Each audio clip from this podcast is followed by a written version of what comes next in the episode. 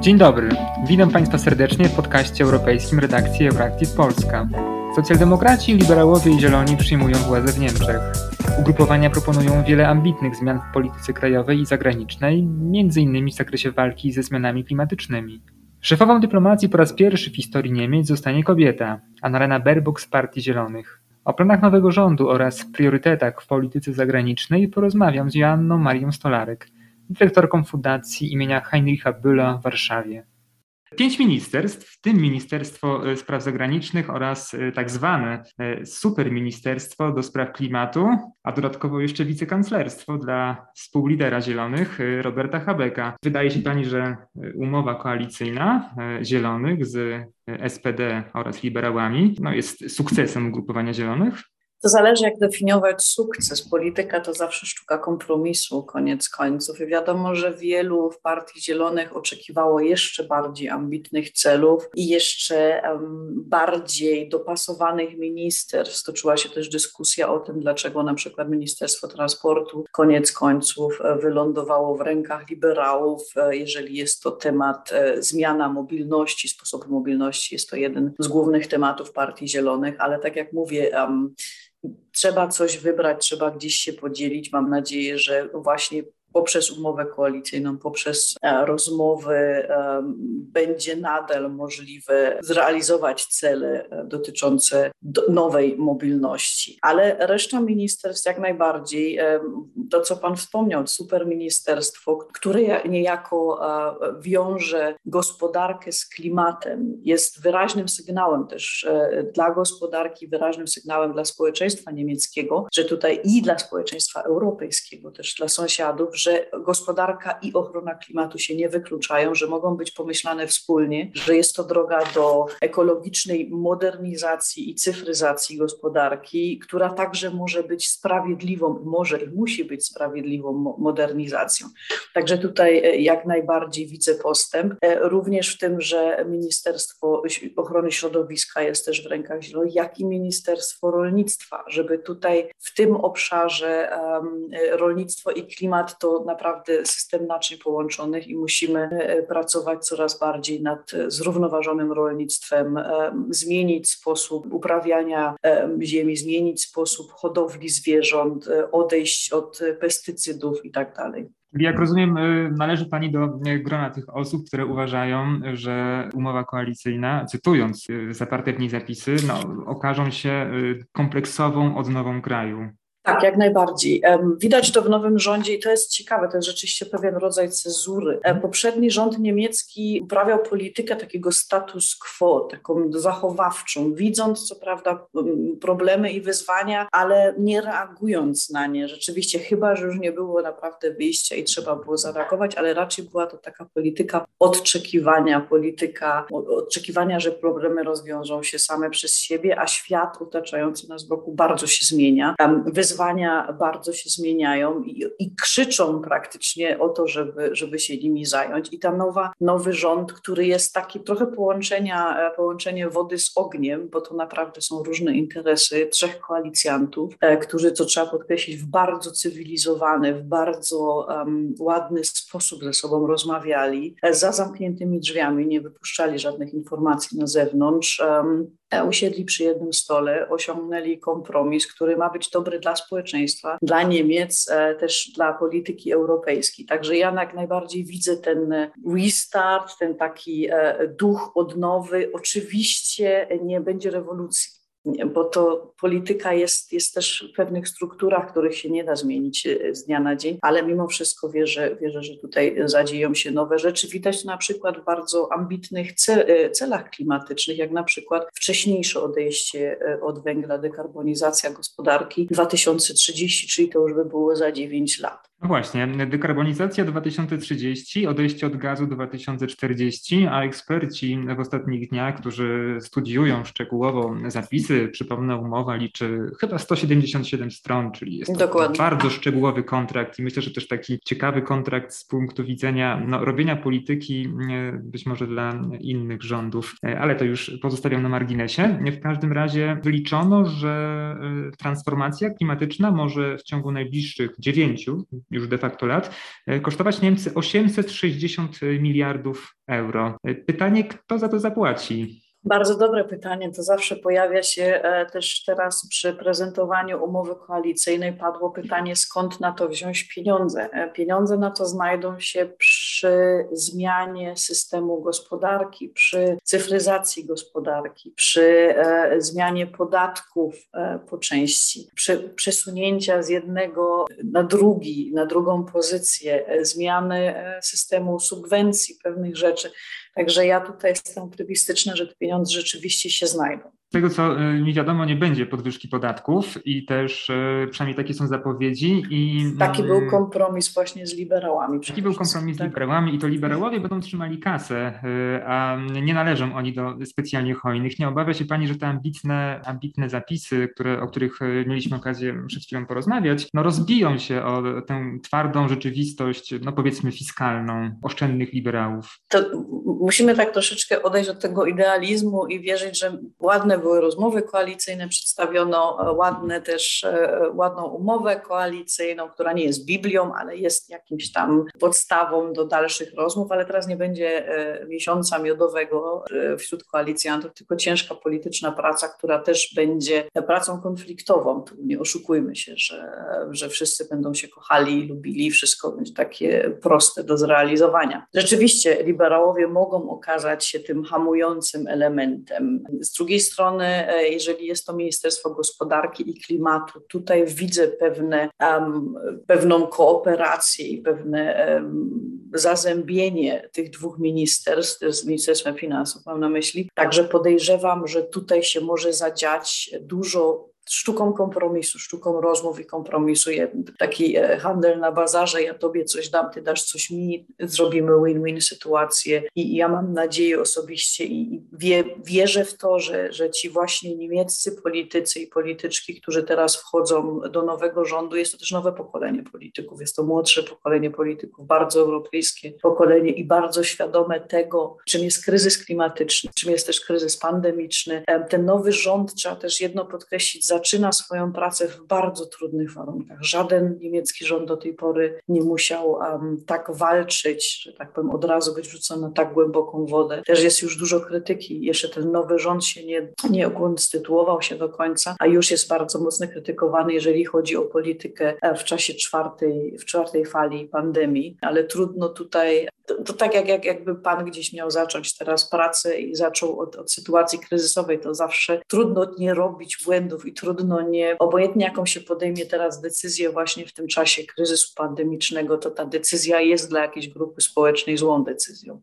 No właśnie, wspomniała Pani o kryzysie wewnętrznym, ale też nowy rząd i nowa e, przyszła e, ministra spraw zagranicznych, Annalena Baerbock, e, no, przyjdzie jej objąć funkcję szefa MSZ w bardzo trudnej sytuacji w Europie. Z jednej strony jest to kwestia sytuacji i tak zwanego kryzysu migracyjnego na granicy polsko-białoruskiej, z drugiej strony Rosja, sytuacja na Ukrainie i też no, zapowiedzi, obawy o atak rosyjskich wojsk. Z trzeciej strony jest sprawa, no na przykład praworządności w Unii Europejskiej, relacji z Polską, z Węgrami, z państwami tego regionu Europy Środkowej. No i tym wszystkim ma niejako pokierować e, niedoświadczona polityk, e, współliderka Zielonych. Czy to jest na pewno właściwa osoba na właściwym miejscu? Każdy wrasta w ze swoje nowe zadania. E, myślę, że Annalena Baerbock również e, wrośnie w ten, w ten nowy urząd. Jest to, myślę, że nie docenia się Annaleny Baerbock często jako polityczki, e, mówiąc, mhm. że ma mało doświadczenia. No ma doświadczenie jako szefowa partii, to jest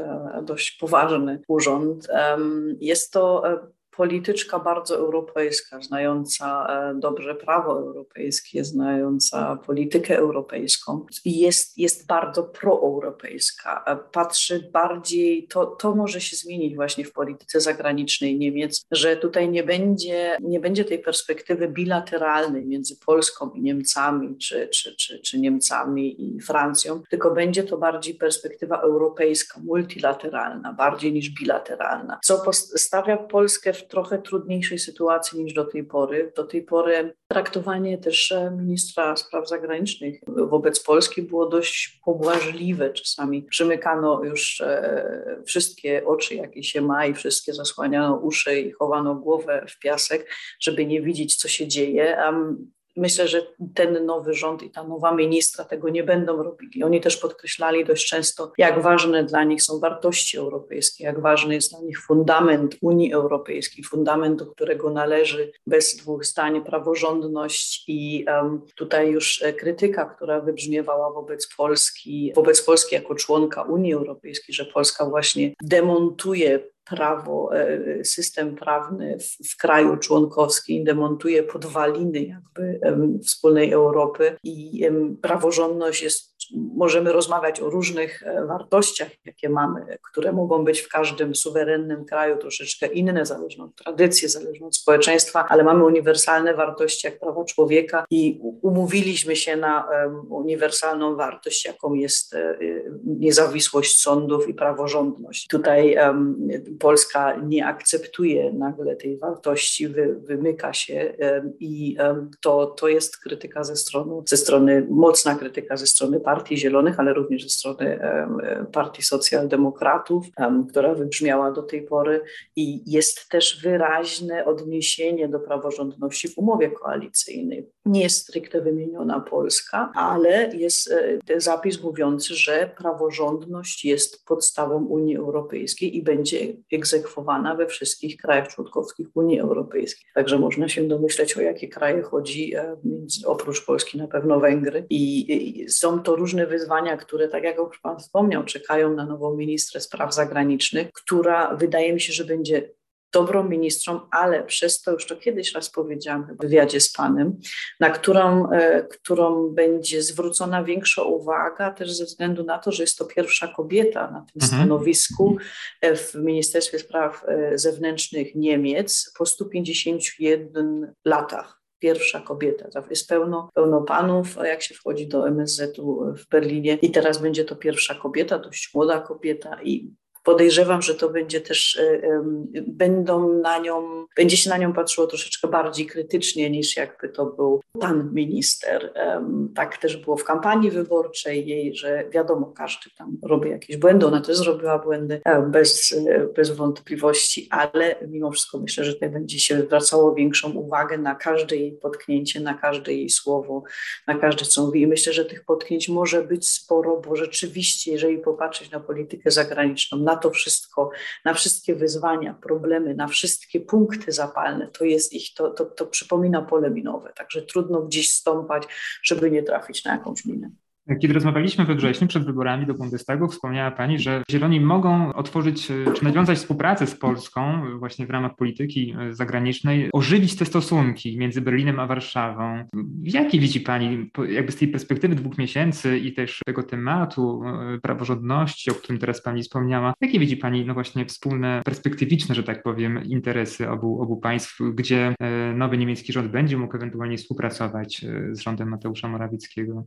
Widzę przy, tak jak już wtedy wspomniałam, na przykład ciekawa, ciekawa jest ta koalicja e, świateł ulicznych też ze względu tego, jaki stosunek do Rosji mają poszczególne partie. Partia Zielonych jest jedyną partią, która otwarcie krytycznie krytykuje politykę putinowską, politykę Kremla. Inne partie mniej, w, w szeregach partii e, SPD, socjaldemokratów jest dużo tak zwanych e, Russlandverstehe, czyli tych, którzy rozumieją Rosję, którzy są sympatyzantami, można powiedzieć, nawet polityki, aktualnej polityki Rosji. Tutaj myślę, że będą możliwości właśnie rządu polskiego i rządu niemieckiego we wspólnej polityce um, dotyczącej partnerstwa wschodniego, we wspólnej polityce dotyczącej polityki wobec Rosji. Tu jak najbardziej widzę punkty wspólne, ale punkty wspólne też mogą być nowy rząd, to, to jakby też nowe rozdanie kart i nowa szansa na ożywienie stosunków polsko-niemieckich, które znajdują się troszeczkę w takiej fazie zamrożenia, powiedziałabym. Od trzech lat nie odbyły się konsultacje międzyrządowe, na przykład nie odbyło się forum polsko-niemieckie, które było w pełnym, e, zawsze takim pewnym punktem programu w tych, w tych spotkaniach polsko-niemieckich. Jest to szansa, żeby znów jakby zrobić taki restart, żeby się spotkać, żeby porozmawiać, żeby dać sobie jakby nową szansę na rozmowy, na dialog. Oczywiście ten dialog jest możliwy tylko jeżeli obie strony są gotowe do dialogu. Nie, że jedna się obraża, odwraca, pokazuje plecy i mówi, no my chcemy dialogu, ale nie tak. No tak nie funkcjonuje dialog, to wtedy jest raczej monolog. Też możliwości współpracy widzę, e, w, jeżeli chodzi o, o zwalczanie kryzysu klimatycznego. Po jednej i po drugiej stronie granicy mamy bardzo aktywne społeczeństwo obywatelskie wśród młodych przede wszystkim. Mam na myśli młodzieżowy strajk klimatyczny czy Fridays for Future, jak się nazywają w Niemczech. Młodzi ludzie, którzy, których nie interesuje w jakim kraju koniec końców żyją, tylko wiedzą jakie, jakie wyzwania na nich czekają i wiedzą i widzą, że oni są e, tymi, którzy najbardziej będą cierpieli ze względu na katastrofę klimatyczną, na skutki katastrofy klimatycznej. I tutaj widzę e, możliwość współpracy. Wiadomo, że polska polityka energetyczna ma inne punkty ciężkości niż niemiecka polska, e, niemiecka polityka energetyczna. Mimo wszystko w niektórych obszarach energii odnawialnych, pomysłów na zapotrzebowanie energetyczne, tu widzę też kooperacje międzygraniczne, które będą możliwe, czy też rozmawianie o tym, jak możemy sobie poradzić z wyzwaniami e, katastrofy klimatycznej, ale również na przykład można się przyglądnąć, w jakich krajach kto ma lepsze pomysły. Mam na myśli tutaj Energiewende, co, co się udało Niemcom, czego się nie udało, gdzie na przykład można się orientować na odejście od węgla, jak, jak, jak może funkcjonować sprawiedliwa transformacja. Tu też w tej w regionie węgla brunatnego na przykład Łużyce, e, Turów, w tym e, Czechy, w tym trójkącie trzech państw. Także tutaj e, widzę szansę współpracy. No i nie, nie zapominajmy o gospodarce. Połączenia mhm. gospodarcze między Niemcami i Polską są na bardzo wysokim poziomie, kwitną. Są tak połączone oba kraje gospodarcze, że trudno, trudno byłoby je rozerwać. Tu oczywiście też jest sprawa praworządności. Sprawa praworządności może na to wpłynąć, na, na inwestycje w Polsce, jeżeli um, powstanie wrażenie, jeżeli to wrażenie się potwierdzi faktami, że nie ma bezpieczeństwa prawnego dla firm, które chcą inwestować w Polsce, no to one nie będą inwestowały w Polsce. Pandemia um, przyczyniła się do tego, że zaczęto na poważnie, coś co było kiedyś bardzo teoretycznie, um, zastanawiać się nad łańcuchem dostaw. To jest akurat coś, co um, może bardzo dobrze zrobić Polsce i Niemcom, że, żeby właśnie te łańcuchy dostaw były bardziej regionalne, znajdowały się w środku Europy, a nie na przykład w Azji. To może znowu jeszcze popchnąć um, i wspomóc handel, między, handel i produkcję między dwoma krajami, ale tutaj też ten pomysł, um, czy ta idea postprodukcji, wolniejszej produkcji, innej produkcji, zmienia się przez, przez European Green Deal, zmienia się cały paradygmat myślenia i to jest szansą dla obu krajów. Także tutaj jest dużo tych punktów stycznych, mimo że jest też dużo dużo problemów między, między tymi oboma krajami. A mhm. wracając mhm. tylko do, do, do e, pierwszego pytania, ja myślę, że, bo, bo to było pytanie, czy, czy przed, przed pytanie, że, czy e, Annalena Baerbock sobie poradzi jako ministra spraw zagranicznych, jestem pewna, że tak. Przychodzi mi do głowy właśnie e, w kontekście relacji polsko-niemieckich taka sprawa bardzo kontrowersyjna i ciągle aktualna, to znaczy pewnego gazociągu, który e, biegnie e, na dnie Morza Bałtyckiego i przyszła ministra spraw zagranicznych jest zdecydowaną przeciwniczką Nord Stream 2, ale z kolei kanclerz, przyszły kanclerz Niemiec no, jakby nie ma nic przeciwko z przyczyn no, gospodarczych na przykład temu gazociągowi. Czy tu przypadkiem Zieloni nie będą musieli pójść na jakiś zgniły kompromis, ażeby uratować koalicję? Myślę, że nie pójdą na ten zgniły kompromis.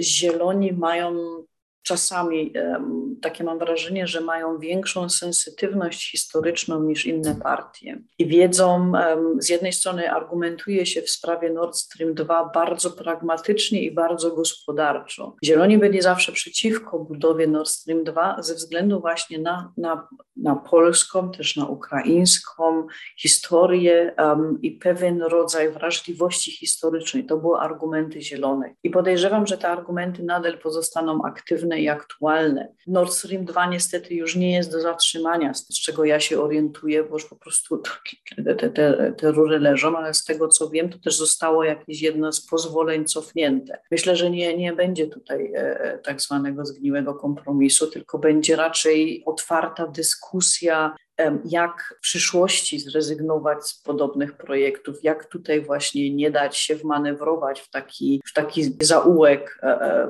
z którego nie ma już wyjścia. Na koniec chciałbym zapytać y, o inną, ciekawą z punktu widzenia Warszawy, ale myślę, że w Berlinie też ta sprawa y, gdzieś y, rezonuje, a być może będzie bardziej rezonować. W ostatnim wywiadzie, którego premier Mateusz Morawiecki udzielił dla agencji DPA, po raz kolejny zresztą podjął temat reparacji wojennych. I wie pani, zastanawiam się nad tym tematem, no bo znowu wracamy do Ministerstwa Spraw Zagranicznych, które jakoś dominowało drugą część naszej rozmowy. Czy Zieloni mają jakieś stanowisko w tej sprawie? Jak może to wyglądać? Wyglądać? Jak może wyglądać ta sprawa z punktu widzenia e, prowadzenia polityki zagranicznej przez Annalenę Baerbock? Jak pani sądzi?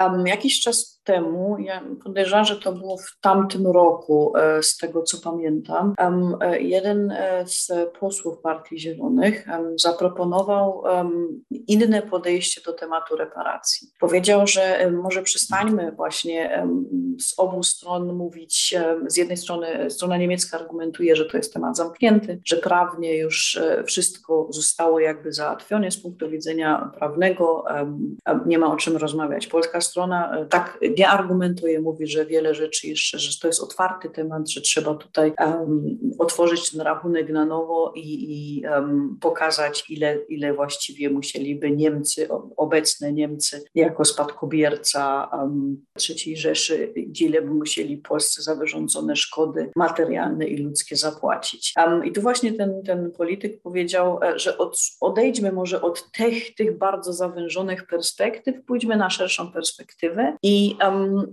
popatrzmy na to z takiej strony, że ważna by była polityka symboliczna i to jest polityka symboliczna nie tylko w sensie stawiania pomników, ale e, czy, czy gestów e, na przykład, nie wiem, na, na, w rocznicę rozpoczęcia II wojny światowej w Wieluniu czy na Westerplatte, ale um, w sensie takim, że załóżmy taki fundusz zdrowotny czy szpital, ale dla osób, które jeszcze żyją, dla osób żyjących ofiar nazizmu niemieckiego w Polsce. Są często starsze osoby, często osoby, którym nie powodzi się za dobrze ekonomicznie, żeby oni odczuli jakby taki symboliczny gest ze, ze strony Niemiec, nie jako jałmużny, bo to nie o to chodzi, tylko właśnie tutaj, że reparacje to, to jest bardzo abstrakcyjny temat też, ale żeby on był bardziej konkretyzowany i wyrażony pomocą konkretną, na przykład w taki sposób, jak, jak taki fundusz zdrowotny czy szpital dla, dla tych osób, które jeszcze te nieszczęsne czasy pamiętają i przeżyli i, i nadal jeszcze żyją. I druga rzecz była właśnie fundusz taki stypendialny, żeby młodzi e, ludzie z Polski i Niemiec mogli z niego korzystać i badać na przykład historię obu krajów czy, czy, czy społeczeństwa. To też był jeden z pomysłów. Także to, to wiem, że to było tematem.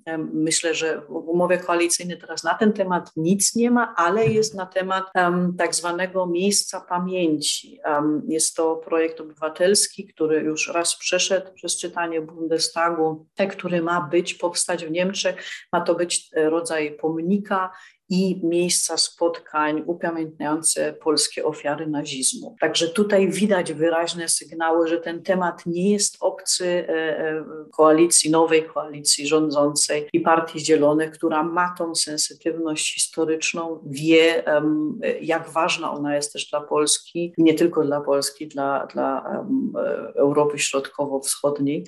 Tylko jedna rzecz może w tej całej dyskusji o reparacjach. Ja mam bardzo dużą nadzieję, że polska strona nie będzie ciągle tych reparacji używała jako instrumentu, robiąc taką antyniemiecką politykę, bo to nie służy nikomu. I naprawdę moja duża rada by była, żeby wykorzystać ten nowy, nowy początek, ten nowy rząd, wykorzystać w cudzysłowie oczywiście, e, nowy rząd w Niemczech po to, żeby te stosunki polsko-niemieckie poprawić, bo jesteśmy sąsiadami i um, w partnerstwie różnie bywa, raz jest lepiej, raz jest gorzej, ale warto dalej rozmawiać i warto sobie też pozwolić na to i z jednej i z drugiej strony w dobrej partnerstwie, dobrym partnerstwie można też krytykować, jeżeli partner czy partnerka źle się zachowuje, nie przestrzega reguł, które ustaliliśmy na początku partnerstwa. Można tą krytykę przyjąć, można o niej konstruktywnie porozmawiać, ale nie powinniśmy wprowadzać um, tych stosunków do takiego, do takiego martwego punktu, gdzie już nic się nie da ruszyć. Myślę, że to jest naprawdę dobra szansa, żeby reaktywować pewne rzeczy, jak na przykład e, te spotkania międzyrządowe.